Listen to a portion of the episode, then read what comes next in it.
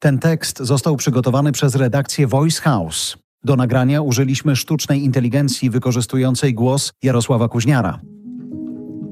Ze studia Voice House specjalna seria podcastów Ukraine in Brief. Najnowsze wiadomości dotyczą 20 lutego 2023 roku.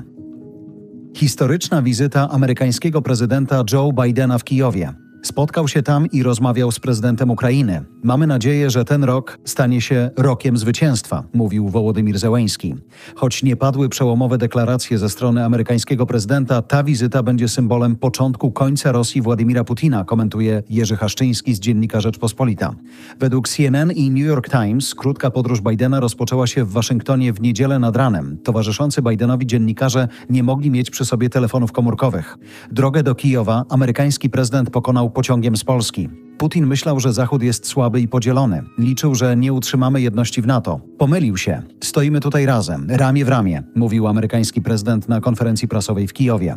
Waszyngton poinformował, że przekaże Ukrainie kolejny pakiet pomocy wojskowej. Chodzi o amunicję artyleryjską, systemy przeciwpancerne i radary. Dziękujemy, że możemy liczyć na pełne wsparcie, mówił Zełęński. Wierzę, że wkrótce nad całą Ukrainą niebo będzie już spokojne, tak skomentowała wizytę amerykańskiego prezydenta pierwsza dama Ukrainy. Medialni fani Putina przyznali, że Biden w Kijowie to upokorzenie Rosji. Prezydent Putin ma we wtorek wystąpić przed Zgromadzeniem Federalnym Rosji. Państwowe media rozpoczęły odliczanie do jego wystąpienia. Kijów zawładnął częścią mojego serca. Wiedziałem, że tu wrócę. Solidaryzujemy się i przyjaźnimy z ukraińskim narodem, który kocha wolność. Tak Joe Biden wpisał się do specjalnej księgi gości w oficjalnej rezydencji prezydenta Ukrainy. Zakończył swój wpis słowami Slawa Ukraini.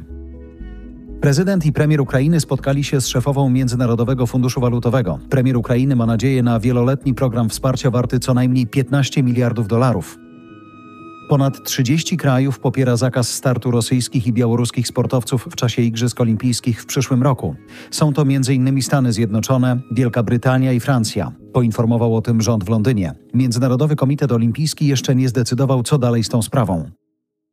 Ten tekst został przygotowany przez redakcję Voice House. Do nagrania użyliśmy sztucznej inteligencji wykorzystującej głos Jarosława Kuźniara.